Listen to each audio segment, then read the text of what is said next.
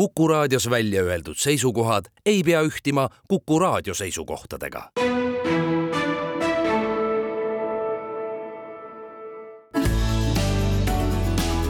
keskpäevatund.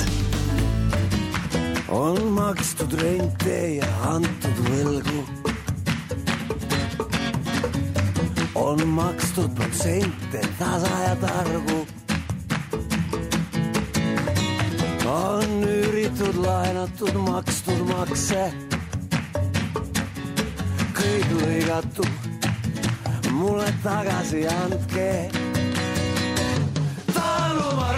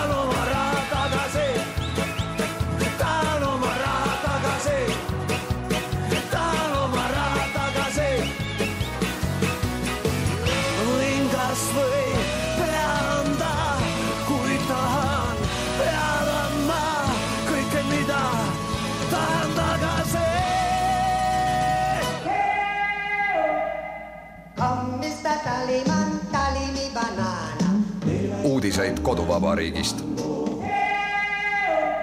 tere, siin on Kuku raadio Keskpäevatund. Tallinna stuudios Ainar Ruussaar ja Marek Strandberg ja laulis Henrik Sal-Saller rahast, mida ta tahab kangesti tagasi saada. no sel nädalal oli selline juhtum, et ettevõtja Parvel Pruunsild saatis kolmele erakonnale raha. EKRE-le kolmsada tuhat, Isamaale nelisada tuhat ja Keskerakonnale ka kolmsada tuhat ja see kõik oli nii-öelda mõeldud sellise väärtuspõhise toetusena selle eest, et nad toetasid siis äh, iibe suurendamiseks mõeldud, mõeldud äh, seaduseelnõusid äh, eelmises valitsuses. EKRE ja Isamaa panid raha kiiresti taskusse, panid tasku nööbi, panid kinni, patsutasid käega peale, raha on õiges kohas ja olid vait nagu sukk. aga Keskerakonnas läks kohe suuremaks tüliks, tekkis kaks leeri, ühed arvasid, et raha tuleks vastu võtta, teised arvasid, et raha ei tuleks vastu võtta, hääletamisel selgus, et nendest, neid oli rohkem, kes igaks juhuks rahast vabaneda soovisid, kolmsada tuhat eurot saadeti Pruunsillale tagasi, Keskerakond läks lõhki ja Jüri Ratas võis kuskil tühjas koridoris karjuda, tahan oma raha tagasi, sellepärast et tal olid juba kõik plaanid tehtud, mida selle kolmesaja tuhandega oleks võinud Keskerakonna huvides peale hakata. jah, Keskerakonna rahaline seis on ju ammu teada ja tegemist on tegelikult ju kriminaalkorras karistatud erakonnaga ka, aga kordame kuulajatele üle, et erakonnaseadus, Eesti erakonnaseadus ütleb, et äh, üldiselt ei tohi erakond vastu võtta annetusi välismaalt, välja arvatud erijuhtumid ja siis peab sellest väga selgelt deklareerima ja veel ei tohi partei vastu võtta anonüümseid annetusi, nii et Parvel Pruunsilla annetus oli tegelikult äh, täiesti seaduslik, täiesti korrektne, seda raha võib erakond äh, vastu võtta ja kasutada. iseasi on nüüd tõepoolest see, et kui palju Pruunsilla äh, annetus tegelikult mängis rolli sellest, mis toimub Keskerakonna juhtkonnas ja see, mis seal toimub, on selgelt kumbki isik ei ole seda ka varjanud, Jüri Ratase ja Mihhail Kõlvarti vaheline selline noh, võitlus Keskerakonna tuleviku ja Keskerakonna juhtimise eest. no see võitlus on ju üsna ilmne, sellepärast et valimissaak on meeletult erinev. Kõlvart või Kõlvarti võime venekeelse elanikkonna hääli endale saada on märkimisväärne ja noh, erakond ise on ju ka tegelikult vermitud juba Edgar Savisaare aegadest selliseks noh, üsna venemeelseks organisatsiooniks, kes nagu Kõlvarti isikus ja kujutame ette, tulevikuski hakkab jõuliselt selle eest seisma, et ikkagi eestikeelse hariduse juure kõrval oleks e-, Eestis olemas ka veel venekeelne haridus ja seegi riiklikult kinni makstud ehk et meil on nagu mitte ainult nii-öelda teiste erakondade jaoks, vaid terve riigi jaoks ikkagi noh, nii-öelda kosumaas väike probleem. ja ma arvan, et ega see ei ole nüüd minu teada esimene kord, kui arutatakse selle üle, et sinu mainitud kriminaalkorras karistamine, erakonna kriminaalkorras karistatuus võiks esile kutsuda ühe olulise toimingu, nimelt erakonna likvideerimismenetluse alustamise, et ei saaks osaleda poliitikas, et kui organisatsioon juba on kriminaalkorras karistatud, siis on ju selge, et see on ju organiseeritud kuritegevus, noh, mis me siin ikka nii-öelda kaudset juttu räägime. Ja kuidas ma nüüd ütlengi, et no ütleme, organiseeritud kuritegelikule organisatsioonile otsitakse uut juhti ja ma ei arva, et see nii-öelda valik oleks väga hea ja ma usun, et nii-öelda võib-olla juba täna, võib-olla homme, võib-olla juba esmaspäeval hakatakse mõtlema selle üle, et oot-oot, et äkki ikka äkki ikka meil on ikkagi see lugu, et kriminaalkorras karistatud poliitilisi organisatsioone siin poliitilisel laval olla ei tohiks. Marek, ma, mul on, mul on isiklik palve, et äh, kui mul ja Priidul meelest ära läheb, siis ole hea, tuleta septembri alguses meile seda siinsamas saates meelde, mitte meile, vaid Riigikogu liikmetele, kes kogunevad taas tavapärastele istungitele, et selline seaduseelnõu võiks vähemalt algatust leida, selle üle saab ähm, rääkida, arutleda, arvamuslugusid kirjutada. ma oletan ühte asja, et kui, kui noh, nii-öelda jällegi enam-vähem nii-öelda selline ühiskonna pärast muretsevad Riigikogu liikmed seda tõsiselt võtavad, siis ma kujutan ette, et mitte septembris, kui Riigikogu taas koguneb, vaid ma arvan, et seda eelnõu hakatakse ketrama juba praegu mõtteis ja ma ei imestaks, kui selle peale tuleb kokku ka näiteks mingisugune Riigikogu erakorraline istung, kus äh, see päevakorda seal tõuseb, sellepärast et tegemist on tõepoolest, ütleme ausalt, nagu üsna õõvastava olukorraga ja noh, loomulikult Jüri Ratase nii-öelda noh, jällegi, et ma arvan, et see, see hästi lödi ja ebamäärane organisatsioon peaks nagu lihtsalt lõhustuma, nii nagu, nagu lagunevad rakud yeah, apoptoosi käigus. Mm, ise lagunevad ära, et nad on nii, loonud väga palju eeldusi et ähm, noh, võib-olla loota selle peale, mis sügisel toimub ja mida Riigikogu hakkab tegema, et võib-olla ei ole mõtet, aga ma saadan sulle selle lingi edasi, et rahvaalgatus.ee et äh, seal on selges riik, selgelt kirjas riiklik tasand, Riigikogule saad koostada ja esitada vähemalt tuhande allkirjaga pöördus, pöördumise ning jälgida, mis algatust edasi saab. minu allkiri on sul olemas. loo ise algatus, arutelusid on äh, praegusel viissada viiskümmend üks, algatusi kolmsada üheksakümmend kaks, allkirju kokku pool miljonit ja vi, äh, Nel- äh, ja viimati on siis Riigikogule saadetud kahe peale kokku siis üheksateist erinevat äh, erinevat rahvaalgatust, noh, seal on äh, midagi taolist nagu nõuame peaminister Kaja Kallase tagasiastumist, sellel on küll ainult sada kuuskümmend kuus allkirja ja ja siis nii, kuhu sa jõuda tahad? jah, Saesaare paisjärve säilitamisele ja puude hindamine inimlikumaks, ma ei tea, kuidas inim-, puude hindamist inimlikumaks tehakse, aga anyways, nagu lapsed ütlevad, võimalusi on palju, et kõigepealt sa võiksid nagu alustada siis selle rahvaalgatusega ja siis selle omakorda nii-öelda lansseerida. ei, ei, see ei ole ju minu, ma vabandan veel kord, et see ei ole minu probleem. see ah,, no, kuidas see ei ole no,? just, just, see on meie kõigi probleem. see on tegelikult ju, see ongi meie kõigi probleem, aga me oleme valinud selle jaoks Riigikogu, kelle jaoks võiks olla ka probleem ilma selleta, et mingisuguseid allkirju koguda. me saame aru, et see rahvaalgatuse nii-öelda tilulilu, mis on seal tehtud, see on noh, samasugune nagu kunagi oli, ma ei mäleta, mingisugune ka nagu auru väljalaskmise asi, ma ei mäleta, mis selle nimi oli, et neid asju on kogu aeg olnud. et see ei ole ju tõsiseltvõetav, sellel allkirjadel ei ole ju mingisugust nagu õiguslikku tagajärge, sellest ei käivitu mingit rahvahääletust ja seetõttu on tegemist auru väljalaskmise ettevõtmisega no,. ma tuhat... oletan ikkagi seda, ma oletan ikkagi seda, et kui tõepoolest vastutustundlikud poliitikud vaatavad selle pildi peale, mis tänasel hetkel on Keskerakonnas moodustumas, siis nad saavad aru, et nad peavad ise midagi tegema. Nemad, kes on volitatud, nemad, kes on voliga ja nemad, kes mis sellest aru saavad. ja tuntud ajakirjanikuna, Marek, on sul, on sul tegelikult võimalus sealt rahvaalgatus.ee, millele Priit viitas, sealt on jõudnud küll tegelikult Riigikogu saali äh, seaduseelnõu ettepanekuid, mis on kogunud siis sellel leheküljel tuhandeid. Neid ei ole küll väga palju, aga, aga Marek, sina kui väga tuntud ja väga mõjukas ajakirjanik, sul on tegelikult äh, kaks võimalust peale rahvaalgatus.ee sa saad minna ja käia Riigikogu kuluaarides ja mõjutada poliitikuid otse, aga sa saad ajakirjanik mõjut... ei ole lobitegija, ta on sa... nagu olukirjeldaja. sa saad mõjutada neid ka kaudselt. aga mida kirjutab... me ju praegu teemegi. absoluutselt, absoluutselt, aga mm, kes võib-olla Marekiga iga päev kokku ei puutu, siis Marek on selline inimene, kellel on vasakus käes mobiiltelefon ja paremas käes alati mõni raamat. ja ma ei tea, mis raamatuid sa, sa loed, aga mulle tundub, et sa oled natuke viimasel ajal liiga palju lugenud sellist äh,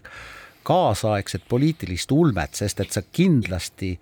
püüad Kõlvartit üle demoniseerida ei, ma ei ole, ma olen viimati lugenud Seppo Zetterbergi raamatut sellest, mismoodi elu nägi Baltimaades välja kaheksateistkümnendal üheksateistkümnendal sajandil. see on väga tore raamat, ma loen ka parajasti seda, aga võtame siiski seda Keskerakonda ja tänapäeva natukene rohkem siia oma, oma pilgu alla, et siis see toetusraha, mille Parvel Pruunsild, ettevõtja, saatis siis Keskerakonnale, mille nemad kandsid tagasi, mille kohta siis ka hääletus toimus, siis see hääletus oligi kõnekas selles mõttes, et ühel pool oli vähemasti, tekkis kaks leeri, selles leeris, mis soovis raha tagasi vastu,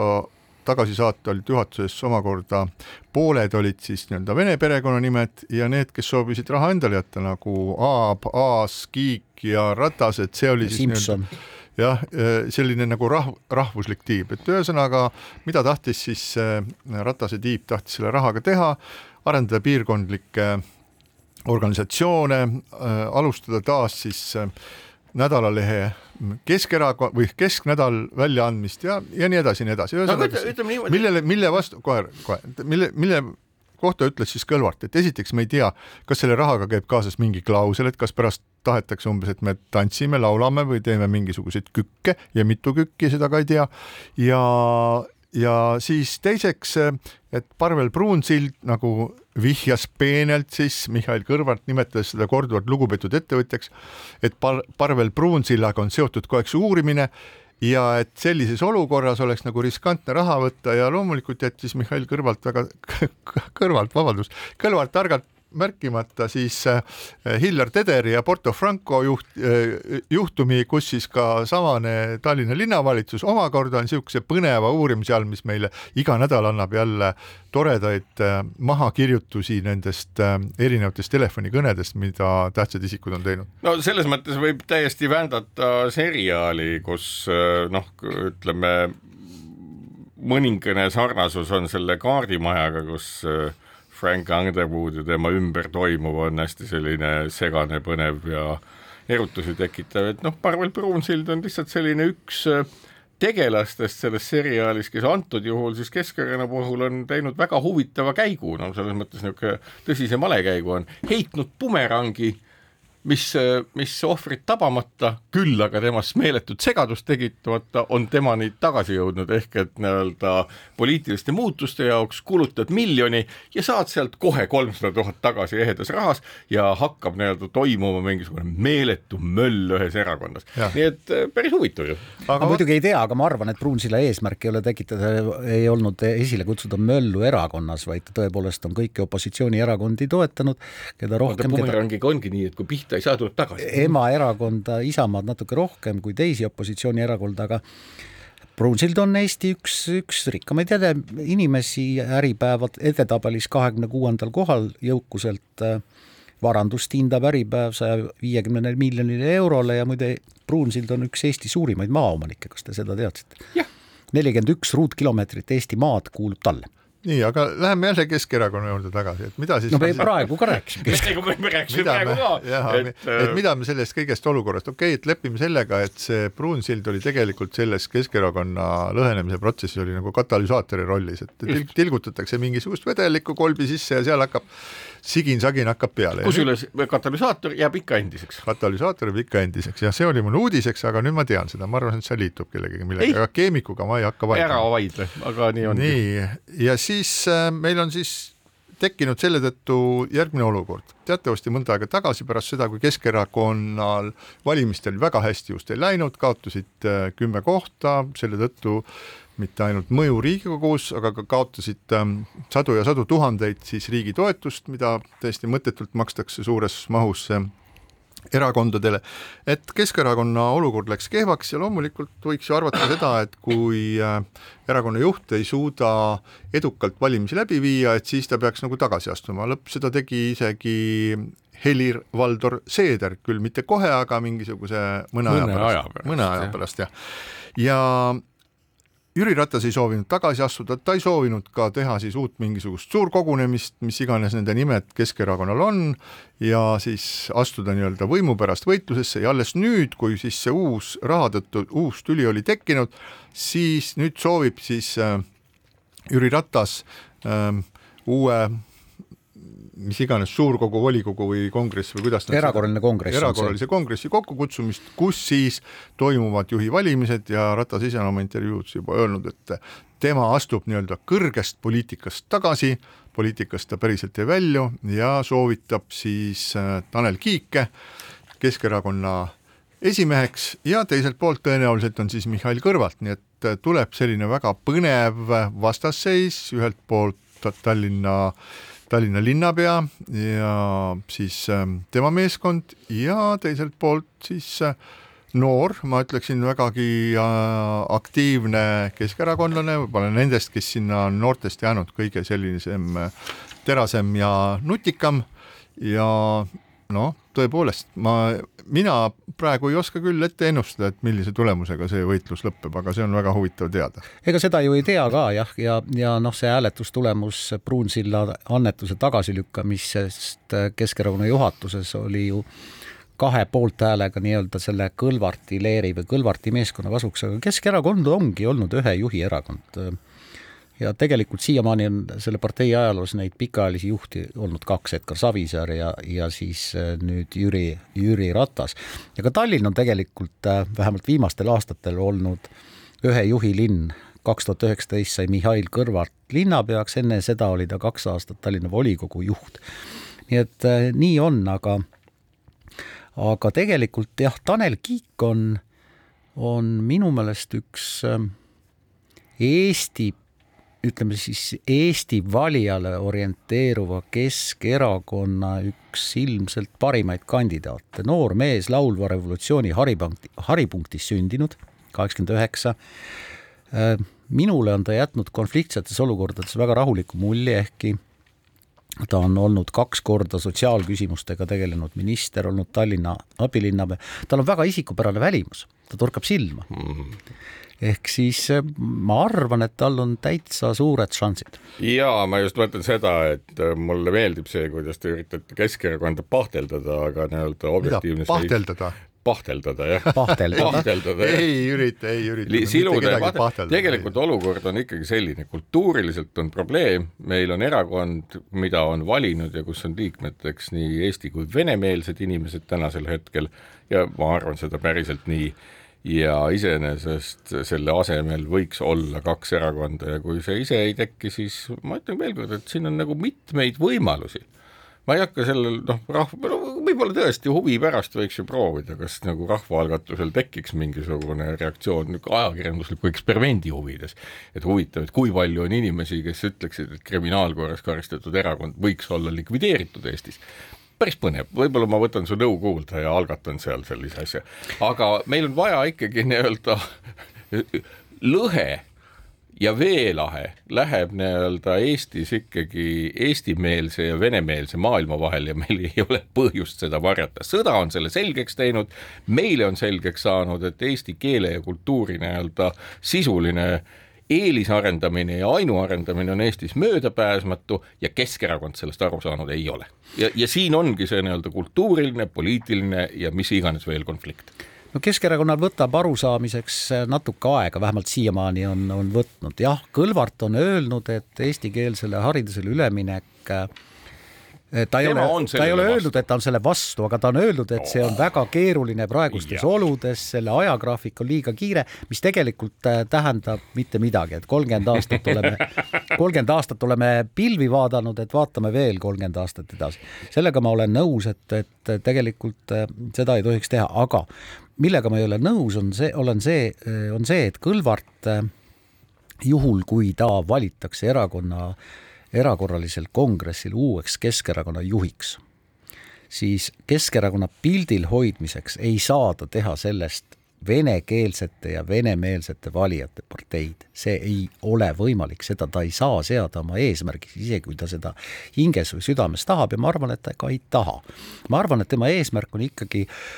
püüdelda selle sellise vana Savisaare-aegse Keskerakonna poole, kus oli Eesti valija ja venekeelne valija ja kummalegi räägiti erinevat juttu ja jah, kes rääkisid erinevat juttu, aga partei No, oli no, ühtne ja, jaa, suur just, ja just. võimas ja ei, ma ei tea, ma nagu saan aru, et äh, võiks selline ilus äh, mudel eksisteerida ka sellesse kultuuriliselt, semiootiliselt, neurobioloogiliselt ja kuidas iganes ei ole võimalik uskuda, et asi, mis äh, püüab olla ilus, püüdes kokku panna asju, mis ei ole kokku mõeldud ega ei eksisteeri koos, me peame ütlema, et meie integratsioonipoliitika on läbi kukkunud kõikide nende aastate jooksul, meie hariduspoliitika on sellisel kujul läbi kukkunud ja nüüd on nagu pöördeaeg, nagu rohepöörde aeg, on kultuuripöörde aeg ja kui seda kultuuripööret ei tehta ei poliitikas, ei kusagil mujal, siis ongi täpselt seesama, mida Priit ütleb, noh veel kolmkümmend aastat või noh, nii-öelda kü- kükitame ja vaatame, vaatame, mis saab, äkki läheb Jaa, paremaks. aga vaata, kas see ei ole siis mitte nii, et et nüüd ma kunagi kirjutasin aastaid tagasi ühe sellise kolumni, mille, mille pealkiri oli Edgar Savisaare bifurkatsioonipunkt. et äh, lugupeetud keemik muidugi teab, mis asi on see on bifurkatsioonipunkt. äh, Ilja Prigožini, mitte selle Prigožini sugulase füüsiku poolt sisse toodud, sisse toodud termin jah, tõepoolest, kus äh, mingil hetkel on ambivalentsed valikud, kas sinna või tänna. protsess jõuab kuskile sellisesse kohta, kus ta pöördub kas sinna või tänna, aga on täitsa võimatu ette ennustada, et Just. kuhu ta siis lõpuks läheb ja minu meelest on selle Keskerakonnaga samamoodi, kui me vaatame suures plaanis ja, ja et mulle, mulle meeldis see, sa ütlesid, on nagu sellise kultuurimuudatuse aeg ja, ja mingisugused märgid on õhus, et see võiks nagu ka toimuda, aga selle eelduseks on minu meelest see, et äh, Keskerakond ei ole võimu ligidal. Just, just. Keskerakonna haare võimule on minim, minimaalne, sellepärast et vastasel korral hakkab peale kogu see jama selle venekeelse hariduse elus hoidmisega, mis toodab meile segregatsiooni, mis toodab halvemini haritud, viletsamini teenivaid, vähem eesti keelt rääkivaid noori, et see on selle venekeelse hariduse kõige suurem või kõige olulisem tulemus ja seda toetab Mihhail Kõlvart. nii et kui kui, kui toimub see bifurkatsioonipunkt, kus siis augustis kuskil, siis ma arvan, et tekib kas Vene valijale suunatud Kõlvarti Keskerakond ja ma ei tea, mis sellest edasi saab, või toimub või siis sünnib Eesti valijale suunatud äh, Tanel Kiige Keskerakond äh,. ma, ma ütleks isegi, et me oleme trifurkatsioonipunktis, et ka kolmas võimalus on veel olemas, milleks on seesama, millest ma alustasin. see organisatsioon võib öö, olla ka rahulikult seaduse mõttes annihileeritud ehk et nagu, et kui sa ütled, et me ei tohi lasta Keskerakonda võimu jaa. lähedale, siis Marek, on seda Marek, ja lihtne. Kartaago tuleb hävitada, Kartaago tuleb aga hävitada. lõpuks, lõpuks ju Cato saavutas selle, ja hävitatigi. ja, ja aga mitte sellepärast, et ta seda ko- korrutas võib-olla oma iga kõne lõpus ja aga kokkuvõtlikult tahaks öelda, mida kaugemal on Keskerakond võimust, seda suuremad on meie šansid selleks, et me saame selle eestikeelse hariduse asja ükskord ometigi joone peale. ja aga ikkagi äh, ideaalis on, on normaalne ühiskond selline, kus ka mitte eesti keelt kõnelevad inimesed, kellel on valimisõigus kas kohalikel valimistel või kellel on taskus Eesti pass ja nad võivad valida Riigikogu, võivad ikkagi ka valida erakonna, et Nad mina, mina, moodustada mina ei, mina ei tahaks seda, et Eestis oleks, tekiks pooljõuga pinnas sellise vene erakonna tekkimiseks, ma tõesti ei soovi seda. ja aga seda me näeme ja siinkohal väike paus keskpäevatund keskpäevatund jätkab, Ainar Ruussaar, Marek Strandberg ja Priit Hõbemägi. Eelmises saates rääkisime loomulikult laulupeost Eesti äh, laulu- ja tantsupeo valguses, et äh, natuke nõrgaks jäi võib-olla meie sõnum, et tegelikult äh, laulupeod ja tantsupeod toimuvad kõigis kolmes Balti riigis, Lätis lõpeb laulupidu homme, see on kestnud nädal aega, Leedu laulupidusid me tunneme ka ja teame ka, sealt on pärit suuresti üliõpilaste laulupidu Kaudejaamus ja muide,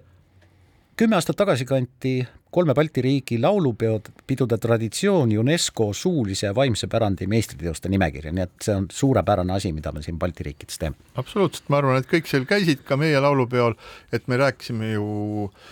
rääkisime sellest äh, varem, äh, pühapäevane päev oli suurejooneline, seal oli päikest ja äikest ja tõepoolest oligi nii päikest kui äikest ja hoolimata sellest, et lapsed olid lõpp, lõpuks olid nad märjad ja läbi ligunenud, aga pole kuulda olnud, et oleks inimesed massiliselt haigeks jäänud, nii et see, see rõõm ja, ja toredus oli kõigile saada, eks on, kindlasti on ka mitmesuguseid punkte, mille üle on siin vaieldud nii sotsiaalmeedias kui peavoolumeedias, et kas oleks pidanud lõpetama mesipuuga ja et kas äh, see lõpulaul, mis siis äh, sinna tuli, Silver Sepa laul, et kas see oli nagu sobiv lõpulaul või ei olnud, aga no see on selline jälle kunstiline, kunstiline vaidlus, ühele meeldib üks, teisele meeldib teine, on olemas ka argumendid, aga põhiline see, et kõigile jäi selline hea, hea soe, erakordne ühisolemise tunne meelde ja suur aitäh kõigile, kes olid seal platsil ja kõigile, kes, kes laulsid ja kõik, kõigile, kes seda korraldasid, aga läheme nüüd ühe sellise teema juurde, mis tekitas sellel nädalal ka hästi palju vastukaja. nimelt tarbijakaitse ja tehnilise järelevalve ameti infoühiskonna talituse juhataja Helen Rohtlas saatis välja ühe dokumendi, mis oli siis mis oli koostatud vastavalt meediateenuste seaduse väljatöötamiskavatsuse kavatsusega, kuhu siis erinevatelt Eh, huvigruppidelt ja ametkondadelt paluti siis oma seisukohti sinna lisada ja ehkki siis eh, Tehnilise Järelevalve Amet on eh, selline, ta on täitevamet, et ta peab tegema seda, mida siis seadusandja on öelnud, see samane infoühiskonna talituse juhataja võttis ette selline pikema arutelu sel teemal, et kuidas peaks üldse ajakirjandust ähm, nii-öelda reguleerima kuigi Eestis see asi toimib üsna hästi iseenesest ja meil ei ole mingit probleemi, et keegi peaks või võiks midagi reguleeri-, äh, peaks reguleerima. Ja siis äh, nimetatud isik soovitas seal soovitas, et Tehnilise Järelevalve Ametil võiksid olla siis õigused kontrollida uudiste tasakaalustatust, neutraalsust, ähm, objektiivsust ja mitmesuguseid muid Äh, aspekte nii uudistesaadetes, aga lisas ka, et aga miks mitte ka väljaspool uudistesaateid. nii et ma oleks päris, päris põnev oleks näha seda, et kui selline umbluum peaks, peaks muutuma seaduseks, milleks see päris kindlasti ei muutu, aga ma tahaks teada, kuidas tehnilise järelevalveamet hakkab siis ühte keskpäevatunni saadet, kus ähm, kolm persooni väljendavad oma isiklikke arvamusi ja tihti on nad Äh, äh, sellised värvikad, et kuidas siis hakatakse kindlaks tegema seda, et kus meil siis objektiivsus siin ikkagi on, näiteks et kui mina ütlen, et sõda, sõda Ukrainas on, on Venemaa poolt agressioonina valla päästetud ja täiesti äh, talumatu asi tervele maailmale, siis äh, Tehnilise Järelevalve Amet ütleks, et aga oleks vaja ära kuulata ka teine pool ja siis äh, ma ei tea, kas siis keegi meist peaks nagu võtma nii-öelda äh, Kremli hääleturu rolli või me peaksime helistama Dmitri Peskovile ja küsima, et aga et mida, mida teie, lugupeetud, tegelikult sellest Ukraina värgist arvate? tänaseks on Tehnilise Järelevalve Ameti juht Kristi Talving muidugi äh, öelnud ja kinnitanud, et selle, see sinu poolt tsiteeritud ettepanek sellisel kujul seaduseelnõusse ei jõua. ei, ei muidugi. ja ta tunnistas, et see palju möllu tekitanud ja õigustatud möllu tekitatud äh, lause oli ebaõnnestunud ja see lause kõlas niimoodi, lisada meediateenuse osutaja kohustus tagada faktide ja sündmuste tõene, erapooletu, tasakaalust esitamine uudiste saadetes, soodustamaks arvamuste vaba kujutamist äh,, kujunemist. ja, ja Kristi Talving ütles, et ta eelkõige peab Tehnilise Järelevalve Ametit silmas siis Euroopa Liidu väljaspoolt meile jõudvaid meediakanaleid.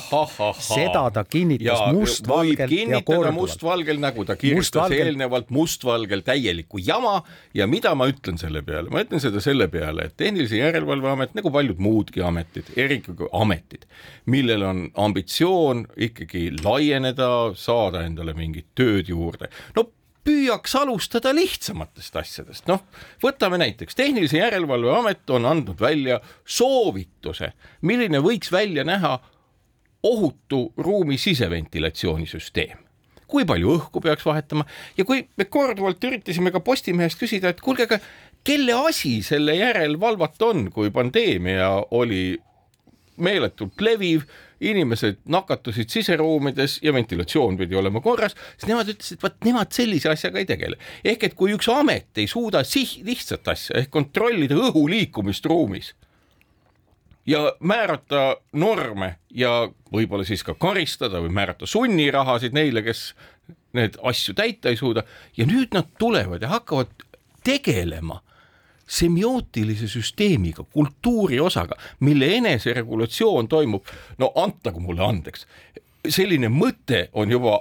eos üsna loll ja selle nii-öelda noh, oli ka näha, kui Tiit Riisalu minister pärast nii-öelda sellisel kogeleval ja ettevaatlikul moel Rahvusringhäälingu uudisa, uudistesaates ka räägib, no ikka, ikka midagi sihukest plaanis ei ole, see on ämber ja tegelikult selliste ämbrite tegijad ei peaks töötama nendes ametites, sellepärast et nende mõtetes juba liigub selline eos oleva, äkki kontrolliks neid ka, aga vaataks, kas me saame neid kontrollida, see on nagu nii läbinähtav ja noh, see vabandamine, antagu andeks, see on nagu, nagu lihtsalt niisugune noh, ai pagan, vahele jäin, no mõtleme mingisuguse ilusa sõnastuse järgi, meil on siin suhtekordaja, mis sõnastus, vot teeme siukse suhtekorralduse, suhtekorraldusliku sõnastuse, raputame natuke tuhka pähe ja see on halb märk, see on väga halb märk. jah, amet on küll öelnud, et sõja algusest, täna on sõja viiesajas päev mm, Ukrainas, sõja algusest on nad piiranud ligipääsu viiekümne ühele telekanalile ja kahesaja kolmekümne seitsmele veebilehele, ma ei tea, kuidas nad küll seda teeksid, teevad, aga alustaks no, kuidagi lihtsamalt, aga see ülesanne on väga keeruline.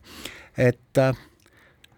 pooled Narva elanikud ilmselt näevad üle katuseantenni neid samu telekanaleid, mida tegelikult amet nüüd tahab piirata, mis lähtuvad väljastpoolt Euroopa Liitu ja on selgelt äh, meie Eesti poliitika vastased. paned katusele sukavarda ja vaatad nagu tahad kas keegi hakkab neid sukavardaid maha võtma, kas keegi hakkab segama, nagu kunagi segati Soome Televisiooni või Ameerika Häält või Vabaduse raadiot? ei hakka, ehk siis minu jaoks on see ka ainult üks ebaõnnestunud lause, mille taga tegelikult puudub ilmselt sisu. ma, ma julgeks öelda, et ähm, see, see vaatus pole lõppenud, sellepärast seesama, see meediateenuse seadus, millest juttu on, mis äh, iseenesest on ühe Euroopa Liidu direktiivi ülevõtmine, direktiiv, mille number on kaks tuhat kaheksateist, üks kaheksa null kaheksa, kui ma ei eksi äh, ja Eestile väga tavapäraselt siis äh, direktiiv võib, direktiiv annab mingisugused raamid ja ametnikud kirjutavad sinna sisse mingisuguseid oma asju, mida nad oleksid tahtnud nagu ellu viia ja meil, mis nendele tundub, et see on huvitav, siis pärast ütlevad Euroopa Liit meile selle kõik kaela väänas, tegelikult on see sündinud kuskil ähm, ametniku äh, kabinetis. Ja algselt sellel kahe tuhande üheksateistkümnendal aastal siis sellel meediateenuste seaduse Äh, seletuskirja oli muuhulgas, ma kontrollisin üle, oli sõnaselgelt kirjutatud, väljatöötamiskavatsust ei ole. Ja siis olid seal mõned punktid, et miks seda ei ole. Ja nüüd ma vaatan, et selle, nüüd on see kuidagi reanimeerunud, see väljatöötamiskavatsus on tekkinud sinna äh, neid äh, asutusi ja ettevõtteid, kellele on siis äh, saadetud palve, et osaleda selles suures äh, tsirkuses, neid on minu meelest seal kümneid, kümneid, sadat vist mitte, aga noh, võib-olla kaheksakümmend kindlasti, nii et ma kujutan ette, see, see on ainult üks dokument, mille ajakirjandus on kätte saanud, seal võib tulla veel mida imelist ja kummalist, kuna tegu on siis äh, ajakirjandusega, mida seal siis üldiselt tahetakse teha, et see seadus minu meelest äh, või see, see direktiiv iseenesest on lootusetult ajast maha jäänud, et selle sünnitas vajadus reageerida siis Youtube'i, Netflixi, Amazoni ja kõikide striimingu teenustele ja reguleerida siis seda, äh, seda ala ja samuti veebitelevisiooni, mis oli siis, tekkis äh, paljudes äh, suurtes meediamajades ja see seadusandlus, mis Euroopa Liidus oli, reguleeris lineaartelevisiooni ja selliseid asju, aga, aga ei tegelenud nende muude asjadega. nüüd selle selle direktiiviga kuulutatakse kõik televisiooniks, et kas see on Postimees tee või Delfi tv või on see ETV, see on kõik televisioon, nad äh, peavad kõik võtma endale loa, selle loa tege-, saamine on väga lihtne, sa lihtsalt esitad, nad ei ole piiratud, esitad mingisuguse soovi, minister ei või midagi öelda, aga mis on väga huvitav, kuna see direktiiv ei reguleeri raadiot, siis raadiolubade jagamine on, jääb ka edaspidi jääb selliseks nii-öelda selliseks, kus otsustatakse, kes saab või kes ei saa. Ja seal on ministril õigus sekkuda. Aga seal on muid huvitavaid asju ka ja üks muuhulgas on see, et sellesse direktiivi on sisse kirjutatud, ma ei tea, kas see tuleb nüüd Eestist või see tuleb hoopistükkis kuskilt, kuskilt Euroopast, et tehnilise, et kontrollides neid andmeid siis meed-, meediateenuse osutajate kohta, on tehnilise järelevalve ametnik, tehnilise järelevalve ametnikel õigus siseneda ruumidesse, teostada läbiotsimisi ja sooritada ka võetust. Nii et kui teile tulevad, astuvad inimesed sisse, ütlevad, me oleme Tehnilise Järelevalve Ametist, me tahaks kaasa võtta selle serveri, mis teil siin nurgas on ja selle kapi teie dokumente, siis see seletuskiri, mis liikus ringi alates kahe tuhande üheksateistkümnendast aastast, tõepoolest hakkab sellise nagu uskumatu, pakub sellist uskumatut võimalust siis Tehnilise Järelevalve Ametiga. minu meelest see on täiesti skandaalne. üks asi, mis ma siia lisan, ehk et äh, Postimehes on siis teadustoimetus olnud see, kes on korraldanud siin aeg-ajalt faktikontrolli ja võin öelda, et ühe valefakti kontrollimine võtab aega päevi. Ehk et kui me hakkame ütlema, et ette kujutama, et nüüd Tehnilise Järelevalve Amet hakkab tegelema ka sisuliselt sama asjaga, mida meediaväljaannetes tegelevad faktikontrollijad, siis see tähendab seda, et nende töömaht paisub piiramatult, ametkond paisub piiramatult, palgad paisuvad piiramatult. mõelge selle peale, mis asi on sündimas ja need viisakad ütlused, oi, me ei mõelnud seda, on silmakiri ja tühipaljas nii-öelda õhu võngutamine. jah, noh, jõukad ja suuremad meediamäed nagu näiteks BBC, neil on omaette osakond Reality Check Desk, mis siis kontrollib kõiki kahtlasi materjale, enne kui need BBC veebi või tele- või raadiokanalitesse jõuavad, eeldus on selles, et ajakirjanik ülekoormatud ajakirjanik ise pöördub selle reality check deski poole ja ütleb, et kuulge, ma ei jõua, et või ma kahtlen selles, et olge hea, kontrollige see, kontrollige see üle, aga samal ajal, kui Tarbija Tehnilise Järelevalve Amet tegi selle ebaõnnestunud lause, nagu Kristi Talving ütleb, tuli ka Euroopa Komisjoni aruanne Euroopa Liidu, Liidu liikmete õigusriigi olukorra kohta ja seal on mustvalgelt kaks korda kirjas. Eestis meediavabadusega probleeme ei ole. sellega ei ole mõtet ka meil siin tegeleda. just nii ja siinkohal väike paus keskpäevatund. Ja Keskpäevatund jätkab, Ainar Ruussaar, Marek Strandberg ja Priit Hõbemägi. Ja räägime nüüd natukene siis ka räägime natukene rahast, sellepärast et ähm, Riigikontrolli analüüsiosakonna peakontrolör saatis sel nädalal rahandusministrile märgukirja ja see märgukiri ütleb, et riik on andnud ettevõtetele eri kanalitest miljardeid eurosid, aga on väga keeruline öelda, mis sellest rahast on saanud, kes, kes mida on sellega teinud, sest selle üle puudub ühtne andmestik, puudub kontroll ehk keegi ei tea, kellele ning kui palju raha on antud ja isegi Riigikontroll ei ole kõiki vajalikke andmeid kätte saanud. vaat niimoodi töötab meil riik, kes annab ettevõtetele miljardeid eurosid. minu jaoks oli ka see uskumatu, et äh, jah, kümne aastaga on eri asutuste vahendusel kolmkümmend kuus tuhat ja enam Eesti ettevõtet saanud neli miljardit eurot riigi raha ja tegelikult, millele Riigikontroll nüüd tähelepanu juhib, on see, et kas see raha on kasutatud eesmärgipäraselt, kas on saavutatud ka soovitud tulemus, see paljudel juhtudel hämaraks ja kõik riigiabi saajad ei ole isegi teada, sest nad pole esitanud oma andmeid riigiabi registrisse, ehk siis, ehk siis äh, totaalne segadus, et mina olen ausalt öeldes nii naiivne olnud ja kujutanud ette, et noh, tänases Eestis ikkagi, kui antakse riigiabi või antakse riigi raha, siis sellega kaasneb mingisugunegi kohustus, et mõõta kuidagi tulemusi või öelda, et jah, tuli välja või öelda ausalt, ei tulnud, ei tulnud välja, ka see on, ka see on vastus. riigikontroll on ka varem ju analüüsinud näiteks Ettevõtluse Arendamise Sihtasutuse toetusi ja järeldusele jõudnud üsna kurvas tõsiasjas, noh, mis on mitte kõige kurvem tõsiasi, aga see, et äh,